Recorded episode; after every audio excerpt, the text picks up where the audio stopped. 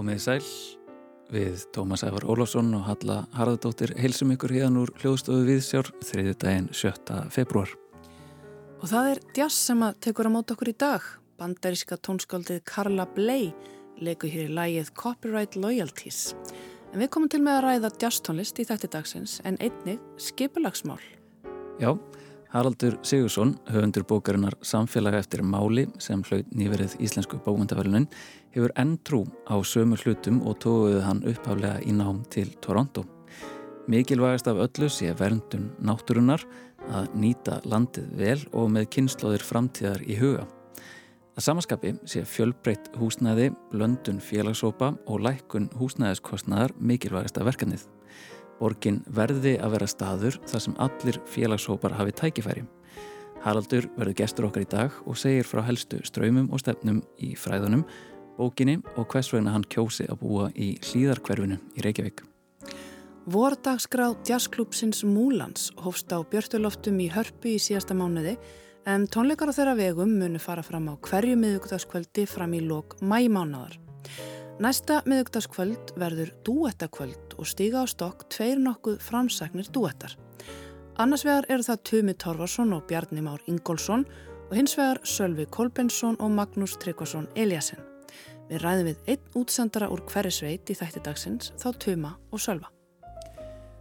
En fyrst er það samfélag eftir máli, eftir Harald Sigursson sem hlut á dögunum Íslensku bókmyndavölunin í flokki fræðibóka og rita almenns efnis.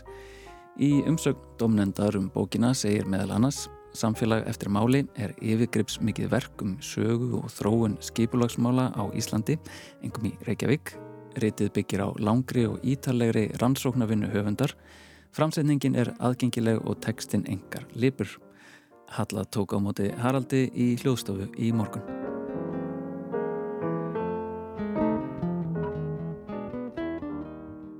Haraldur Sigursson, verðtu hjartanlega velkomin í Vísjá. Já, takk fyrir það. Takk fyrir að bjóða mér. Og til hamingjum með þessa bók, þennan fallega dóðurand og til hamingjum með velunin. Takk fyrir það. Mér langaði að það er náttúrulega ekki hægt að fara á kafi í alla kapla bókara. Þú ætlum að reyna kannski að svona átt okkur á skipilisfræðinni líka bara almennt. Mm -hmm. um, það sem hefur alltaf heila mig við sem leikmann, við arkitektúr, er svona hvernig hýpil okkar eru afsprengi einhverja hugmyndafræði. Hvernig formið tala svo stert við okkur. Mm. Og það sá, má eiginlega segja það sama um skipilisfræðina, hvernig við kjósum að koma okkur fyrir. Það segir svo mikið um tíðarandan. Þetta á þetta líka við um nánast alla listsköpun en það tekur á sig svo praktiska og beina mynd í arkitektúr og mm -hmm. skipulagi því að formið er svo áþreifanlegt og það hefur svo bara bein áhrif á líf okkar og jafnvel bara heilsu ef út í það er farið. Já, þetta er ratna gaman að geta talað um bókina með þessum, hætti, með þessum hætti aðeins að fara í hugmyndafræðina og það er svona Ég nefnaði ynganginum, það er svona rauðu þráður í, í sögun og undirleikjandi er þetta samspil á milli þar að segja hins byggða umhverfis og samfélagsins sem eh, á að skapast inn í þessari, þessari umgjörð og, þarna, og ég er náttúrulega er að segja almennt sögu bæjarskiplas á Íslandi eh, á 20. stöldinni og, í, og sérstaklega í Reykjavík en svona svona undirleikindi markmið var að setja hann alltaf í þetta samhengi semst alþjóðlega og fræðilega mm -hmm. þannig að uh, það sem þú nefnir hérna undan uh, hvernig formið uh, þetta, þetta er svo áþræðanlegt og, og það sem er, er skiptir svo miklu máli þessu varðandi þegar þú ferð að byggja eftir ákveðinu humundafræði og skiplasáallin sem byggir ákveðinu humundafræði og, síðan, og fjárfestir í því að það það er einlega svona grefti og fest mjög eh, niður og ekkert auðvöld að breyta því og það skapast ákveðin kunnátt á að byggja með þessum hætti mm -hmm. og það, þannig að það er ekkert auðvöld að koma með allt í einu nýja hugmyndur, nýjar hugmyndur um hvernig þú ætlar að byggja eh, því hverstæðslega umhverfi fyrir fólk mm -hmm. við getum tekið bara dæmi sem um skólakverfið sem við byggjum eftir í Reykjavík og öllum starri borgum uh, og, og bæjum og hérna Íslandi líka að, að við skipilandi kringum grunnskólan mm -hmm. og þetta er hugmyndafræði sem er svona sett að blað skýrt fyrir hundra árun síðan í bandarækjunum og er kannski var að byrja að byggja eftir en svolítið undan líka en þetta er eitthvað sem er ekkit auðvelt að fara að breyta. Það þrátt verið mjög breytt fjölskylduminstur uh, kjarnafjölskyldan og einstaklingsheimili uh, við erum að glýma þetta í dag uh, rauninni haugmyndafræði sem hefur virkað vel og fólk vil búa nálat sínum grunnskóla og geta sendt mm -hmm. börnum eftir örugum skólalegum en þetta er kannski dæmi um uh, og ég veit ekki hvort það á að kalla þetta hugmyndafræðir endar mm þetta er kannski svolítið bara heilbyrðis skynsimi hvernig þú vilt ræða hlutunum upp uh, að búa til uh, næri umhverju fyrir fólk hvað sem það vil, búa. En, mm -hmm. en, en jú, þetta er ákveðin hugmyndafræði líka. Já, þetta er líka gott dæmi um það hvað skiplansfræðin er flóki fyrirbæri og marg laga þannig að fléttast saman sko mögulega hugmyndafræði, ef við kallum á það. Fagurfræði, félagsfræði pólitík borgin er svo lifandi og flóki fyrirbæri.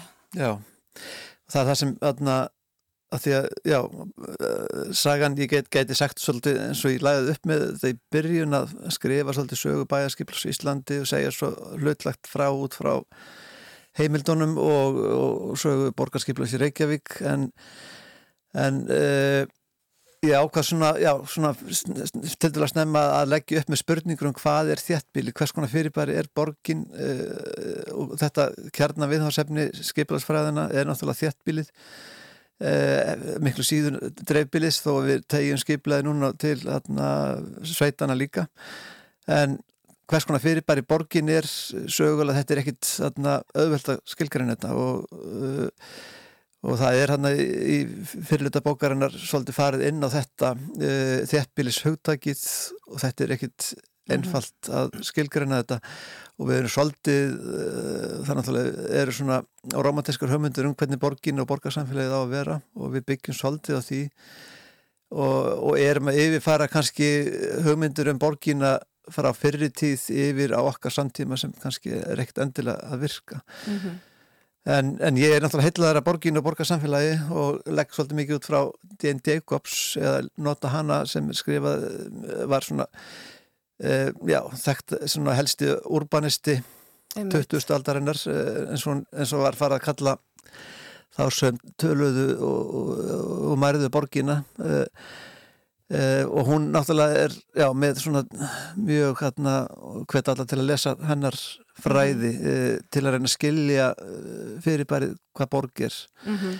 Hún kemur hann inn með svona daldi gaggrina rödd á hvað, 7. og 7. ártug síðust aldar og svona einhverja nýja sín kannski eins og þú segir í bókinni kallar hann að kvenlega sín það er svona mildari, mildari ekki jafn stórkallarlega sín.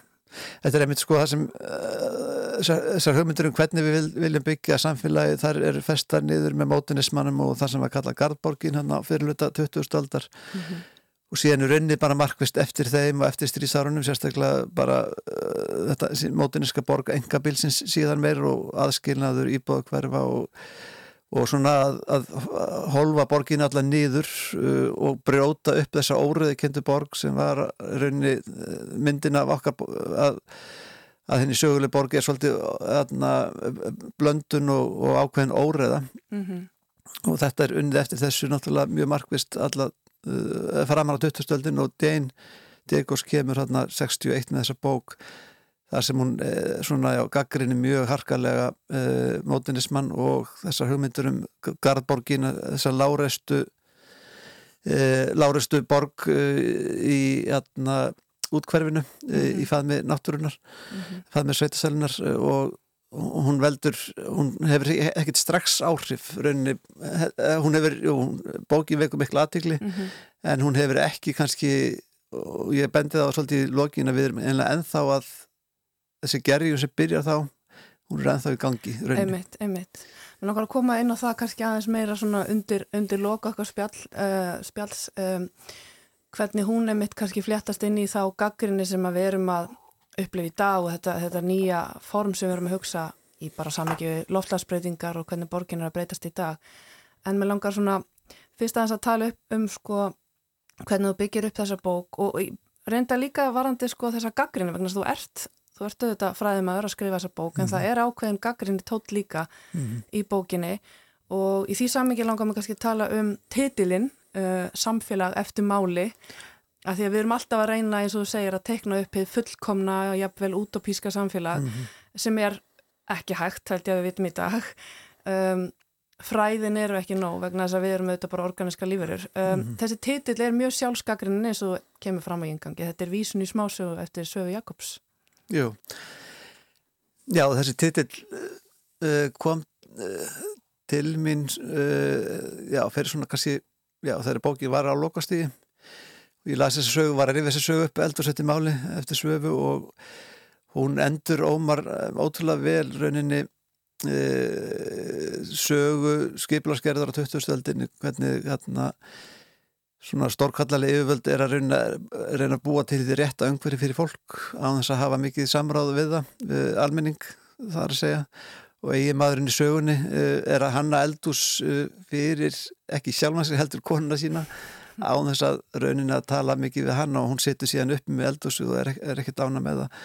Þannig að þetta er svona samlíking sem ég fannst uh, mjög góð og, og þetta var rauninni undirliggjandi þessi tenging alltaf var undirliggjandi í, í, í skrifunum þannig að það, það var gott að detta niður að þannig held ég titil mm -hmm. að, og samfélag eftir máli að uh, hef, hefur svona já, alls konar skýrskotanir mm -hmm. þetta spratt svolítið líka og með, með dettur í huga að Svafa Jakobs hafi mögulega lesið til um Eh, hvernig eldús voru hönnuð hérna fyrirluta 20-aldar að það var verið að gera mælingar á fólki eh, þetta náttúrulega var gert í Vesmiðunum líka á flæði færibandunum að tryggja það að eh, tryggja hámar skilvirkni við færibandi það var verið að mæla tíman sem tekur að, að ná í þennan hlut eða, eða tegja sér eftir þessum hlut í, við, við ákvæmnar vinnuðarstaðar og þetta er yfirfært á eldúsið mm -hmm. Frankfurtur eldúsið sem var hannað þarna af uh, sennilega þriði áratögnum uh, og þar var beitt svona time and motion studies eitthvað uh, til að er, og þetta verði tímans sem ég tengi líka við þessu uh, sem kemur líka inn í og við erum að nota þetta merkjöldu við sem að reyna að hámarka eða, eða horfa verði tímans inn í eldúsinu og við erum líka að gera það út í borgarsamfélaginu þegar við erum að meta arðsemi samgöngu frangvanda. Mm -hmm. Það er alltaf þessi spurningum hámarks nýtingu Já, Einmitt. það er svona og kannski gleymur stundum þessi mannlega breyta þar inn í Já, já þetta er svona já, bara krafanum hagvöst og skilvirkni þetta er, við erum algjörlega undir klafa þess uh, það er svona bara enginis eitt svona enginismerki nútímans, nútíma vaðingarinnar mm -hmm. og kannski eru mörg vandamálum borgarnir í dag afsprengi þeirrar hugsunar á 2000-öldin er það ekki? Jú og, og ég kem náttúrulega, ég kem svolítið mikið inn á þessa uh, umferðarverkfræði sem kemur svolítið stert inn í, inn í skiplásmálinn á eftir strísárunum og reynar fyrir líka mm -hmm. að þau verða svolítið ráðandi og þetta gerist sérstaklega í bandaríkjunum náttúrulega uh, að það sem, sem skiplásfræðin og hefðina fyrir borgarmyndun voru miklu veikari og þar kemur þessi nýja háskólegræn sem er umferðarverkfræðin og horfir að nálgast borgarskipulæð út frá þess, með þessum augum að hámarka skilvirkni út frá uh, þörfum engabilsins uh, og en, en, en þeir voru svo sem arkitektar og Luc Corbusier náttúrulega setti sínar hugmyndur um, um framtíðaborgin og þar var náttúrulega mhm. fritt flæði engabíla kjarnin í hans hugmyndin líka þannig að þetta er, þetta er eldra en svona út frá praktikinni Eh, í skiplaskerðinu þá verður, verður þetta mjög ráðand og þetta kemur fram í aðarskiplænu á mm -hmm. hérna í Reykjavík á sjöndar og tögnum að koma þessi umferðarverkvæðilega nálgun að búa til, gera umferðarspá mm -hmm. meta þörfina fyrir gatnamannverki. Og það er svona útgangspunkturinn sem er lagtir upp með. Og síðan er an, annað ákveð út frá því. Ummitt, ummitt, það er rauninni svona að förum aðeins, köfum aðeins ofan í bókina sem þú skiptur upp í já, sex kapla ef ég mann rétt og, og þú ferð svona yfir rætur fræðana og hvernig þau fæðast í 19. aldar borginni upphafi og svo ferðala yfir á möluna og svo reykur svona ástæður fyrir því af hverju þjættbildismyndun hefst svona seint hér á landi og svona upphaf skiplasfræða hér og svo þurfum við að ferða kafa honni borginna sjálfa þá er í rauninni kannski tveir megin ásar sem er eh, eins og hérna minnast á það er uh, í rauninni Garðaborgin, uh, Guðmundar Hannessonar sem er þá bók hans skipala bæja 1921 og svo er það hinn á sinn sem er þessi mótaníska borg sem að byrtist í hvað fyrsta aðalskipalaðin er það ekki? Jú. Já, það er þessi tveir mægin ásar sem eru svona kannski að takast á og eru stærstu hvað ásatnir í skiplasfæðum á 2000 eða hvað? Já, ég uh, þegar ég var að svona afmarka efnið betur og svona þá endar þetta sem svona bókinni eða tvíþætt. Annars verður bæjarskipil á Íslandi á fyrirluta 20. aldar eða fram til 64 og hins verður þróan skipil á sér Reykjavík uh, til 1970 og uh, í bæjarskipilan er það Guðmundur Hannesson og hans hugmyndafræði skipilasfræði sem hann setið fram í 1916 og svo er það hins vegar útgáfa aðskipilaginu uh, 1966 fyrir Reykjavík. Það er 50 ár hann að milli og ég segi að þetta séu rauninni þarna eru þarna eru tvei áhræðamestu ritin sem hafa verið skrifið um skipla á Íslandi á 20-stöldinni og, og tengi Guðmund þá við Garborgina og, og aðarskiplaði við kannski mótinísku skipla sínina um, um hérna skilverku borg engabilsins mm -hmm. Einmitt. Og eins og þú segir líka frá í bókinu þá eru sko þá er þess að tvær stefnir rosalega vissar inn í sinni sög það eru mjög svona Já. hvað svona hróðuar í rauninni eða hvað, hvað getur maður sagt Já, sem er kann... kannski við erum enna svona kannski takast á við í dag ekki Jú, það er emitt það sem öðna, þetta er kannski enginn á nútímavæðingun og nútímanu sem er og, rætu nútíma sem eru kannski, ef maður horfir reynir að ennfalda þetta þá eru þessi senista áratugur á 19. öldinni og kannski fram að fyrir, fyrir heimstyrjöld það er svona gr grundvöldu nútíma, nútímas lagður og við erum ennþá raunni setjum upp með þá, þá, þá höfumundar þrátt fyrir öll, allt sem gerist á 20-söldinni heimstyrjaldir og heimskreppur og allt þetta að þá er einlega þessi grunnur sem er mótaður þar, hann, hann er haldið áfram meðan bara eftir, eftir, á eftirstrísárunum og þessi leit að er réttu gerð af samfélagi og byggðaformum það er svona mikil vissa eins og nefnir og Þarna, ég held að sjá að segja að arkitektin svo Lur Koppur sér hafi verið svakalega hrókafullur einstaklingur. Og það enginnir svolítið ég held að sko, já, þannig að og uppheldið kannski í, jæna, í háskóla það er náttúrulega, þetta er líka það að Guðmundur eh, veit svo sem ekki hvernig hann var sem person en hann var alltaf vissið síni sög og hann kemur með þessa þekkingu inn í samfélag það sem var mjög lítir þekking fyrir mm. og þegar þú kemur þannig inn í samfélag þá er náttúrulega velt að ná þínu fram ekki, en, en, en ég er ekki gaggrinn að hans hann rauninni staðfæriði hugmyndafræðina vel sko og, og, og allir þessir aðlar voru vildu runni vel eins og ég nefni í inganginu þeir vildu vel en kannski mm -hmm. tóku ekki samtali við mm -hmm. nægilega marga Einmitt. En er það ekki bara þannig, hefur sagan ekki sínt okkur að sko hverjum tíma finnst hann vera komin með lausnina, bara lausnina það eru þessar útapísku gardaborgir það er mótaníska skilvirkaborgin það er þjætting byggðar eða ekki en, en þessar hugmyndir haldastu þetta í hendur við tísku og, og tíðaranda hvers tíma Þannig að það er kannski spurning þá hvað stöndum við í dag, hefur við sapnað það miklu í sarpin að við erum á betri stað eða eru við að prófið í dag? Við erum, nei, ég held við sem aðeins svona nálgórin er sko og gaggrinni sem byrjar sko með D.N. Deikos kannski ef við tengjum það hana mm -hmm. upp úr 60 og síðan náttúrulega allt sem gerist þannig kringu 1970 og tentu 68 byltingun og allt þetta að þessar efasendarattir eh, sem spretta upp og gaggrinni á ríkjandi samfélagsgerð uh, líðra, semst bara svona mjög heildrann gaggrinni, ekki endilega frá vinstir eða hægri, heldur bara gaggrinni á uh, nútíma, nútímanrunni við erum, erum raunin ennþá að, að, að erum raunin einhver liti ennþá þar uh, finnst mér uh, en við erum samt þar alltaf samt hætta og þess vegna er ég aðeins að vara við að við meðum samt og ég nefna það líka varandi bókin hennar Deindego sem er mikið látið með og hefur alveg ótal fylgismenn að við erum að passa okkur líka þar að, uh, að, uh, að breyta því ekki ykkurar svona algjölda reglur eða, eða krettur og fara í sama far og, og, þarna, og það sem hún var að gagna og, og hennar hugsun var held ég alltaf þannig. Hún skrifa alltaf margar bækur aðrar sem eru ekki stektar bara mjög merkilegur hugsuður uh, en hefði ekki væri ekki sátt við allt sem er verið að gera núna í hennar nafnu held ég mm -hmm. En var hún ekki líka allir romantísk?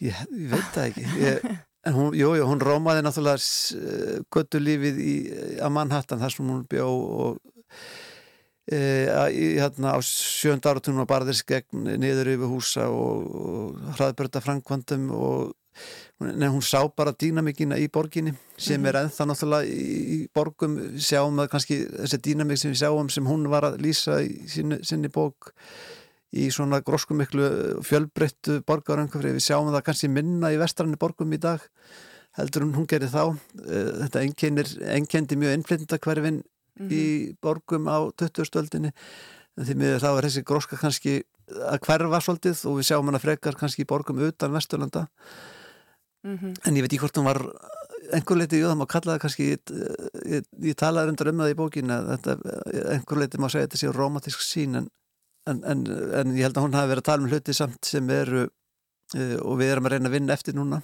Já, hún var alltaf með þetta manneskilega viðmið.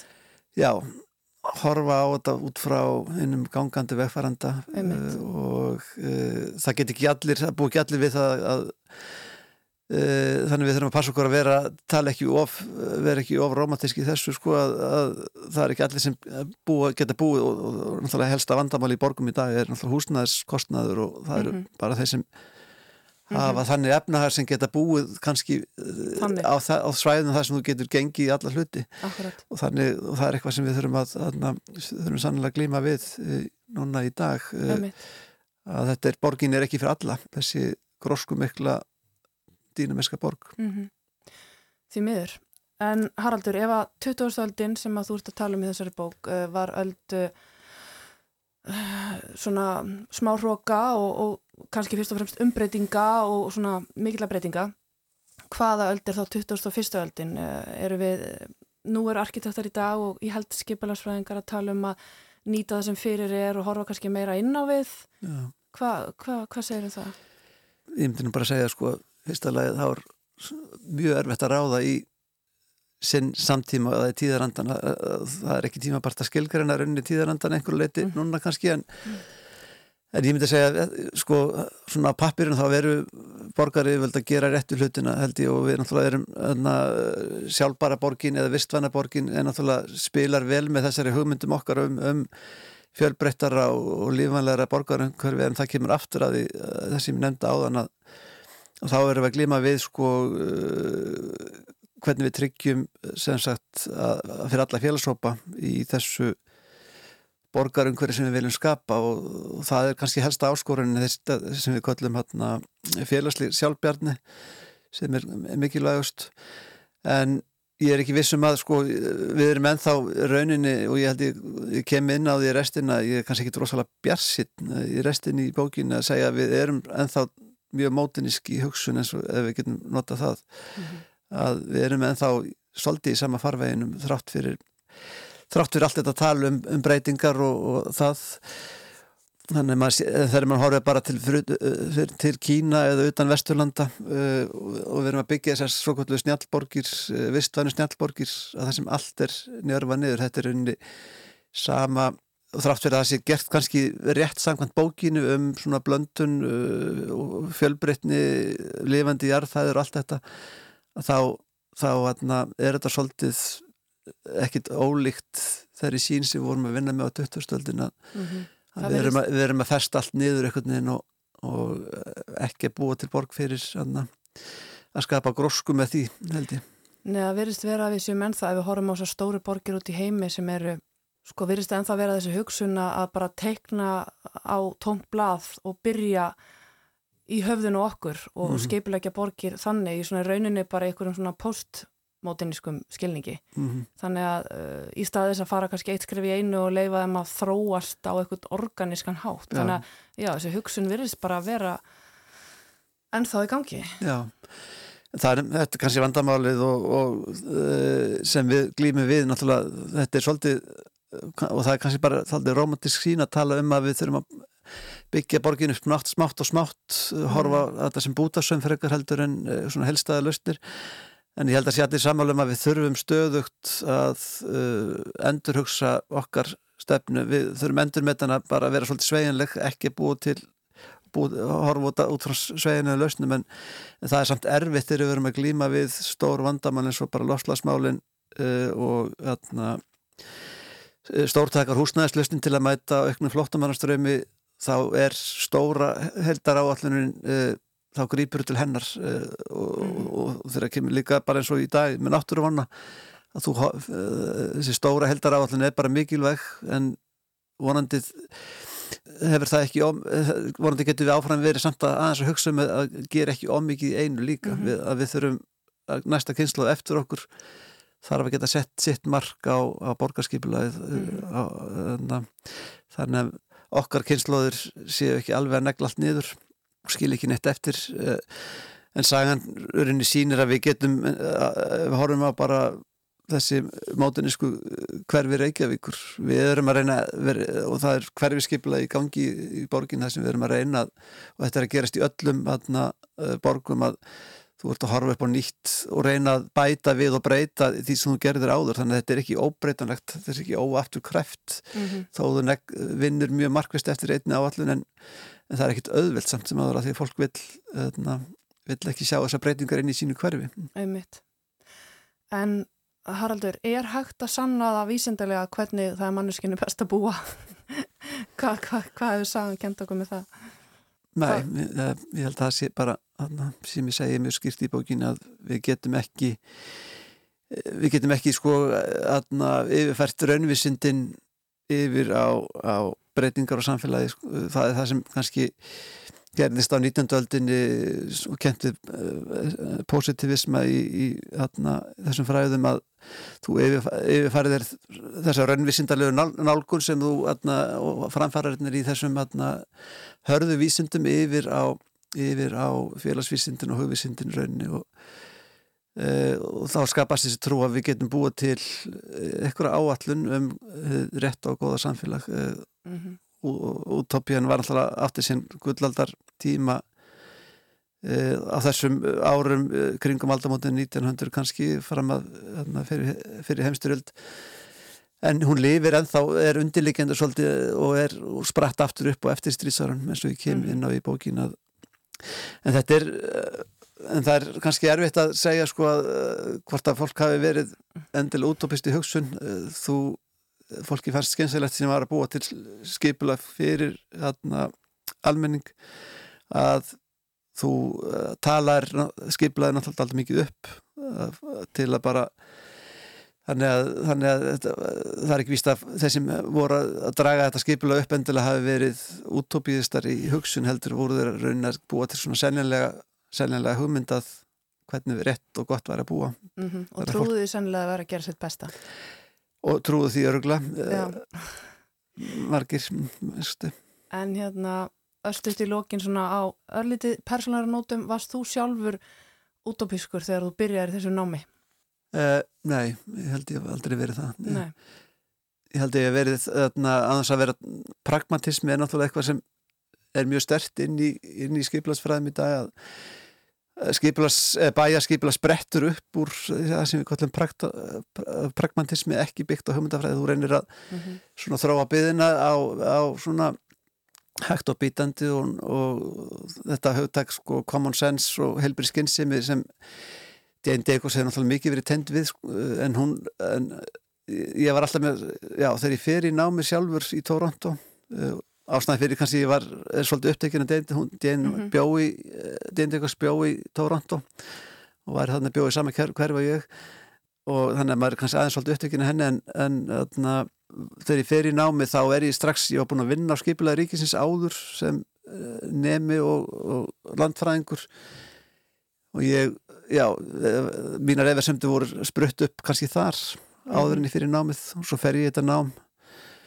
Þannig að þú ert pragmatískur en sennilega samt með hugmyndur um að, að bæta samfélagið já, á einhvern hátt. Já, það, það, þú þarfst að vera með háleitar hugmyndir og vinna að þeim hægt og bítand og þú þarfst alltaf að vera, maður þarf að vera þólum áður í þessu, þarna, þessum bransa, þú ert að, að breytingar gerast já, hægt Já, af því þegar ef þú gerir ef þú að gera þetta á hratt eða er að fara hratt þá verður meira kannski bakslag og við þekkjum það bara í gegnum söguna mm -hmm.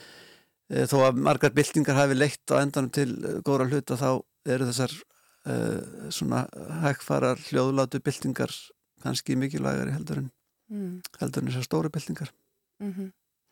En eftir að starfa núna við þessi fræði og í almanna þái í þrjá áratvíi Hvað er svona þinn helsti lærdómur ef hægt er að spurja því, kannski stór spurning en hvernig kannski hugmyndunar hafi breyst frá því þú varst í Toronto og, og, og þar sem þú stendur í dag og eftir gerð þessar stóru bókar uh, Nú er ég að vinna fyrir Reykjavík og er, er að vinna með aðskipla Reykjavíkur þannig að ég aðna, sko ég Ég hef trúa bara sömu hlutum og áður. Eh, ég trúi á að við eh, kannski bara grundvallar, það er tvö kannski grundvalladrið, við þurfum að nýta vel land út frá þettleika byggðar. Við þurfum að við þurfum að passa upp á að uh, þegar við erum að skipilegja byggð að, að nýta landið vel og að nýta vel fjárfestingar bæðið bara út frá hagkvæmni og svo líka líka að við þurfum að skilja eftir land fyrir framtíðas kynsluðu líka nýting, betri nýting á landi og, og blöndun begðar og blöndun félagsópa er eitthvað sem aðna,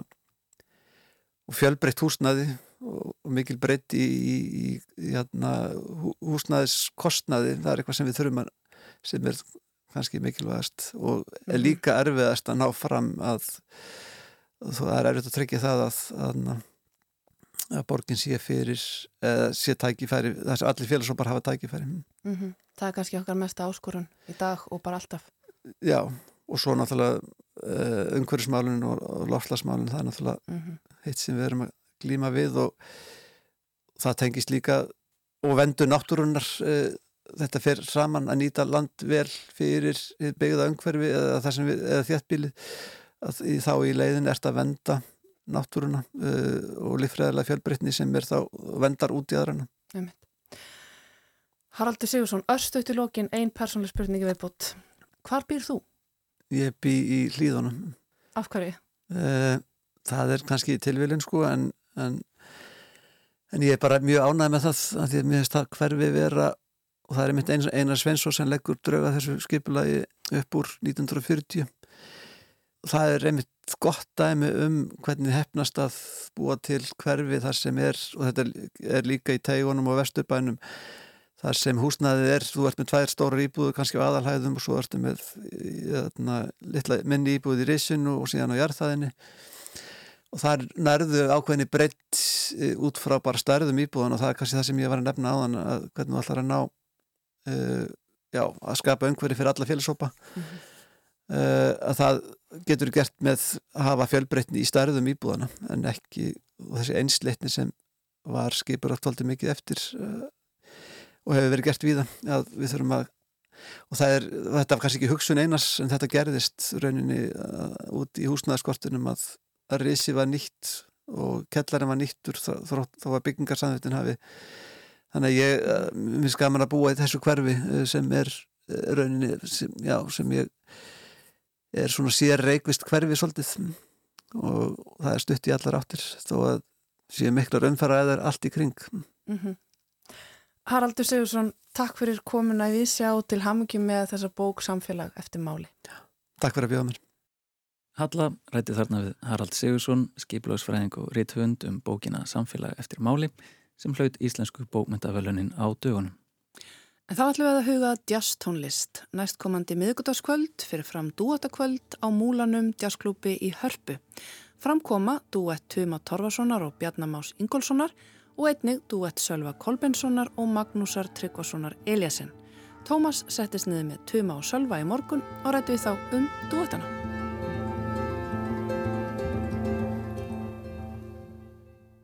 Sölvi og Tumi, velkomnir í Víðsjá.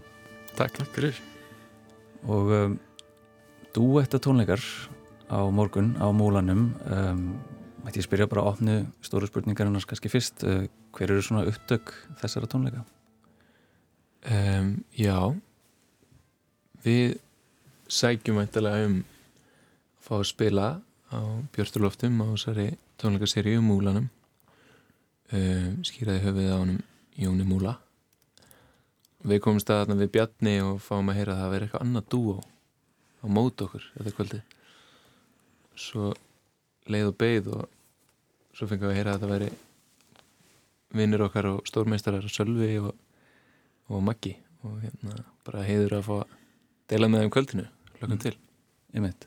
og ég tók eftir þessi dúettar nöfn, þau eru, eru frekar heiðaleg það er annars vegar dúettinn uh, Tumi Tórósson og Bjarni Már Ingólfsson og, og svo er það dúettinn Sölvi Kolbensson og, og Magnús Tryggvarsson Eliasson um, eru hljómsvita nöfn alveg dóttin út? og við, já. Við erum já, við erum að spila næst í tíu ár núna og við erum aldrei dottið í huga að koma með eitthvað annað nafn en ég veit ekki með ykkur. Það barst í tal sko þegar við vorum að byrja að spila. Að reyna að sjóða þetta saman í eitthvað meira með bjarmi Mm. það var afskrifinu það heila strax þetta er þetta, já það bæði dúin svolítið svona löng og löng og mikil nöfn og ég veit kannski ekki svona best upp á svona við ætlum að fara í útlenska markaðsetningu og Já. kannski ekki bestu nöfnin en hvað er maður?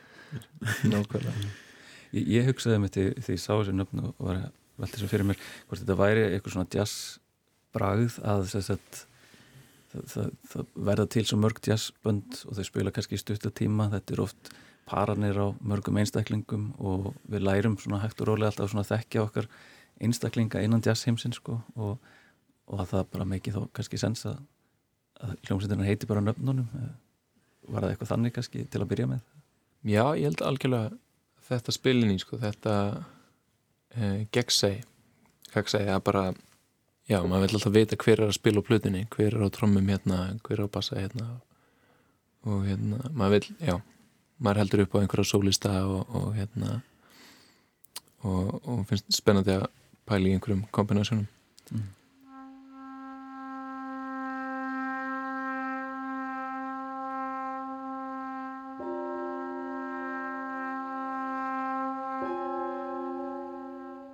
Við Bjarni kynnumst í rauninni í skóla í Stokkólmi þar sem vorum báðar að, að læra eh, KMH vorum þar í, í djasnámi og við vorum bara eitthvað á röldinu í Stokkólmi þegar Bjarni spurði, mér bara hvað ég ætla að vinna við þetta sömarið 2021 ég segðist ekki á neina hugmynd og, og þá stakk hann upp á þessu. Við myndum bara sækja um sumastarf hana og já, hann var spenntu fyrir þessu en líka bara létt að fá djóp nei, hann var bara hann í með hann svo fyndi hvernig hann orðaði hann sagði, yes, þá er sumrinu rettað en, en svo var þetta bara ótrúlega ótrúlega skemmtilegt samstarf. Við vorum í átta vikur að að semja og improvisera og æfa á fullu og svo spila nýri bæ. Og, og var kemistri hann alveg komin strax eða þurftu þau svona að púsa hana til? Ég held við höfum verið alveg sammála um hvert við vildum taka sándið okkar við, áttum, við töluðum mikið um hérna inspirasjónir og, og hérna fyrirmyndir og, og spuna í, í svona viðum skilningi og, og tónsmiðar en svo já, hefur þetta svona meitlast í gegnum tíðina og við erum klálega búin að spila okkur saman og finna okkar sánd sko.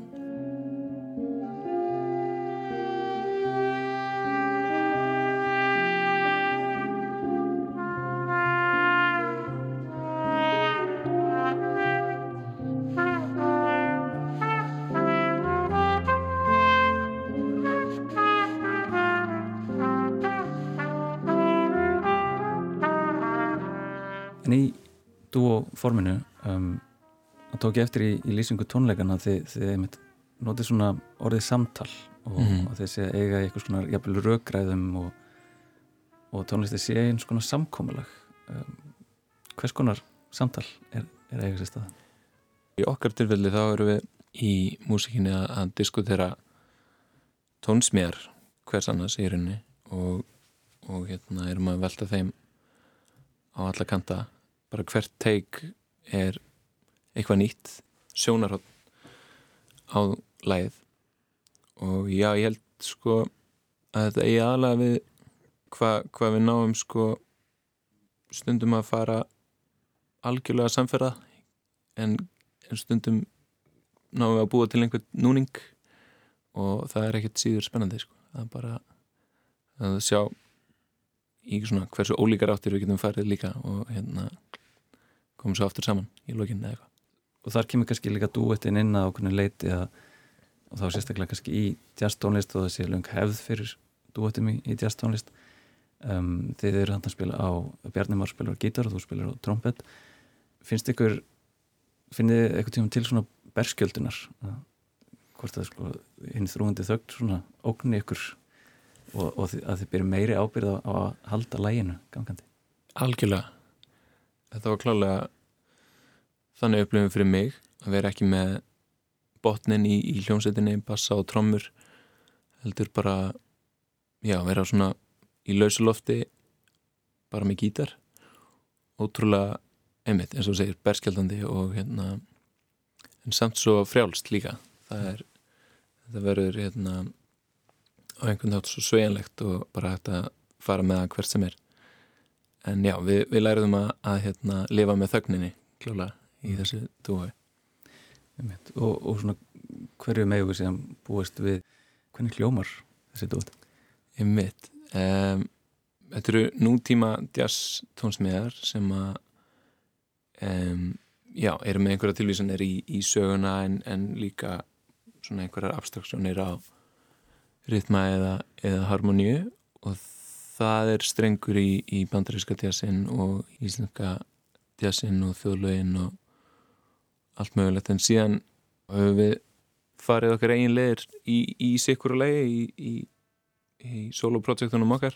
Um, en mér finnst það bara eiga vel saman. Mm. við náðum alltaf að núða í einhvern góðan sætlista finnst mér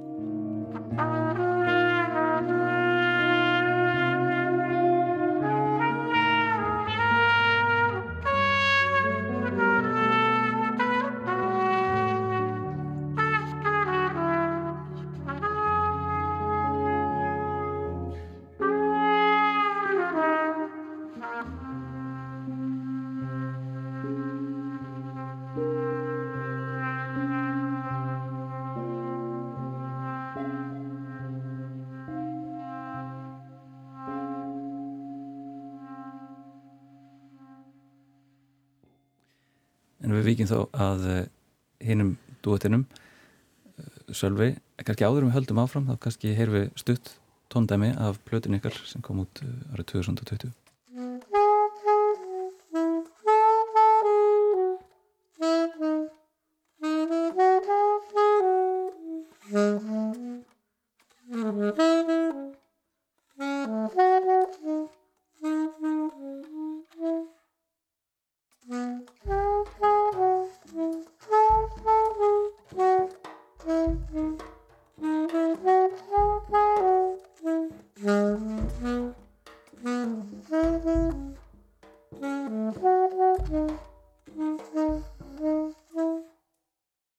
Sölvi Kolbjörnsson við hefðum hérna brot af, af hlutinu þinni og, og Magnúsar Tryggvarssonar Eliasson ég fæ kannski að spyrja þig til að byrja með sömu spurningar og, og töma, hvernig var þessi dúet til?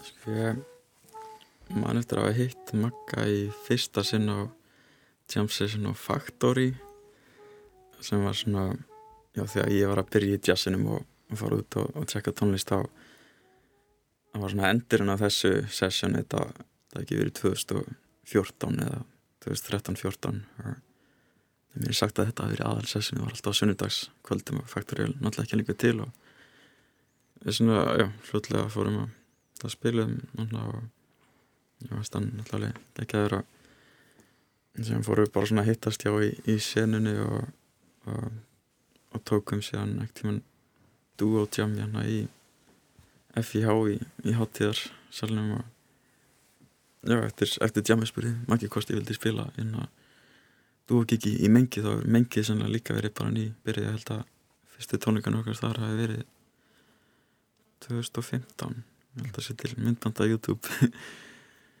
Ég var náttúrulega í myndaskjóla á þessum tíma og makki er tíu árum eldri en ég mér þótti mjög vantum að hann.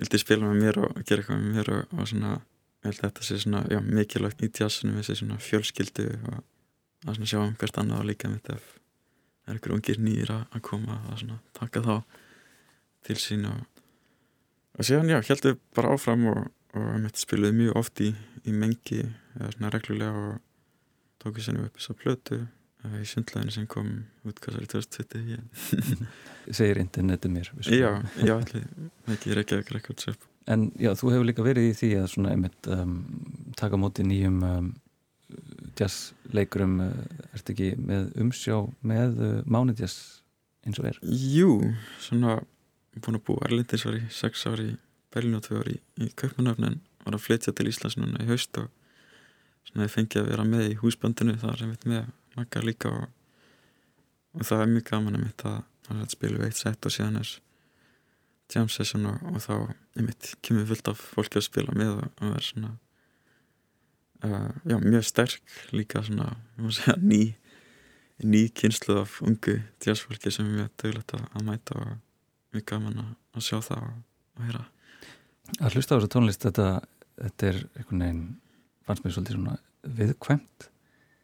Það er ekki það mikil læti sko, ég hugsaði trommur og saxofón þetta er auðvitað rosa mikil kersla fyrst þegar ég hafði ekki heyrst í ykkur en svo er þetta alveg svona það er oft verið að tippla á tánum og uh, það, það er svona farið hægt um og það er svona þreyfa kannski fyrir sér og svo komist á flugu og þá komum við kannski smá læti. En hérna en mér fannst við hlustun eins og sko, sko þögnin eins og við rættum aðan sko, hún, hún kannski getur verið fínu hættulega eða óg svona þegar að vera að leika tónlist. En á þessari plötu sérstaklega fannst mér eins og þögnin væri einhvern veginn orðið sitt eigið hljófæri mm. að það, það er unni með hann af skapandi hátt. Um, hafið þið það alveg að leiðarljósi í, þegar þið spilið?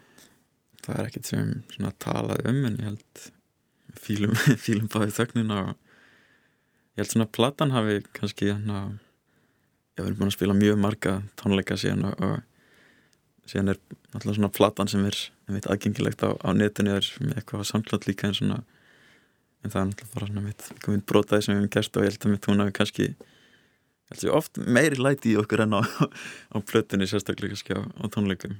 En, en við reynum alltaf að vera með svona blöndu og bæðið mýkt og, og síðan meiri meiri læti og en, en það er, það er svo rosa mikið space einhvern veginn í þessari hljóðmynd. Og einmitt það heyrist allt. Rosa mikið ploss í, í, í hljóðmyndinni. Maður getur leift sér að spila mjög veikt og mjög stert og það er, það er ploss fyrir allt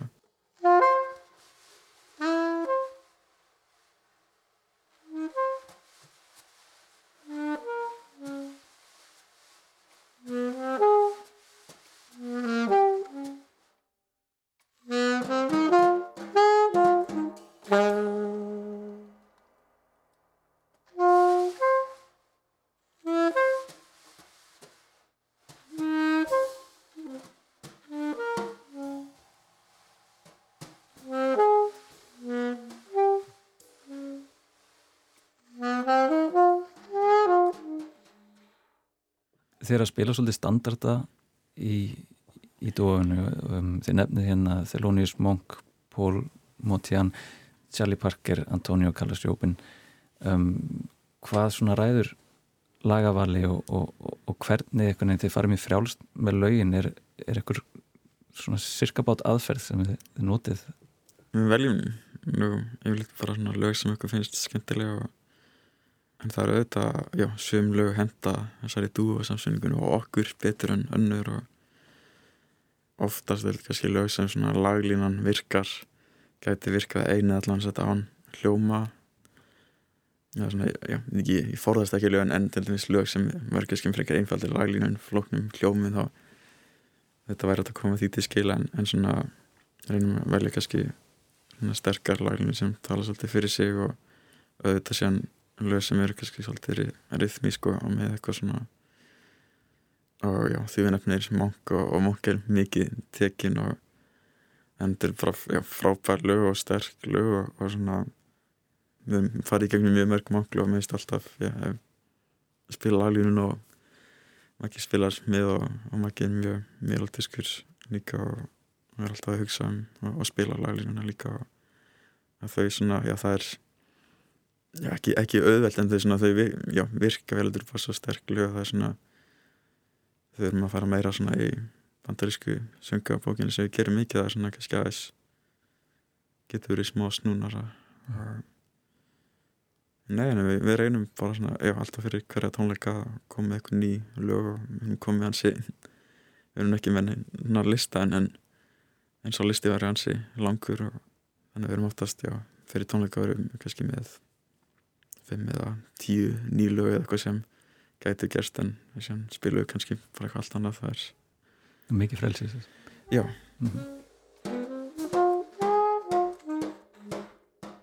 En ef við hugum að tónleikunum að þá, þá verðið þið hérna tveir duettar, um, tveir mismunandi hljóðheimar, en við skilst að þið ætlið að saman þetta, þetta einhverju leiti. Já, við stóðumst ekki á móti og ætlum að uh, fara allir fjóri saman út í óvissuna og sjá hvað gerist spila eitthvað sniðugt í lokin vonandi þannig að fólk verður að mæta til að heyra það sko. Einmitt. Og já, það það verður til kannski lítið hljómsett án bassa og já, svona við Bjarni höfum tekið mörg duo session, bara svona til gaman svo já, það stóð nú til að við verðum með duo gig um, um daginn við höfum spilað saman í öðrum hljómsveitum og, og þú hefur spilað fullt með Magga þannig að þetta er svona allt Akkurat. já, marg, marg tengt Nákvæmlega. þannig að það er kannski, já, það er komin tími til að, að samina kraftana. Algjörlega. Það verður spennandi að fylgjast með. Tumi og Sölvi, takk hérlega fyrir komuna. Takk. Takk fyrir okkur Og hér klárum við viðsjá dagsins á tónum þeirra Sölva og Magnúsar.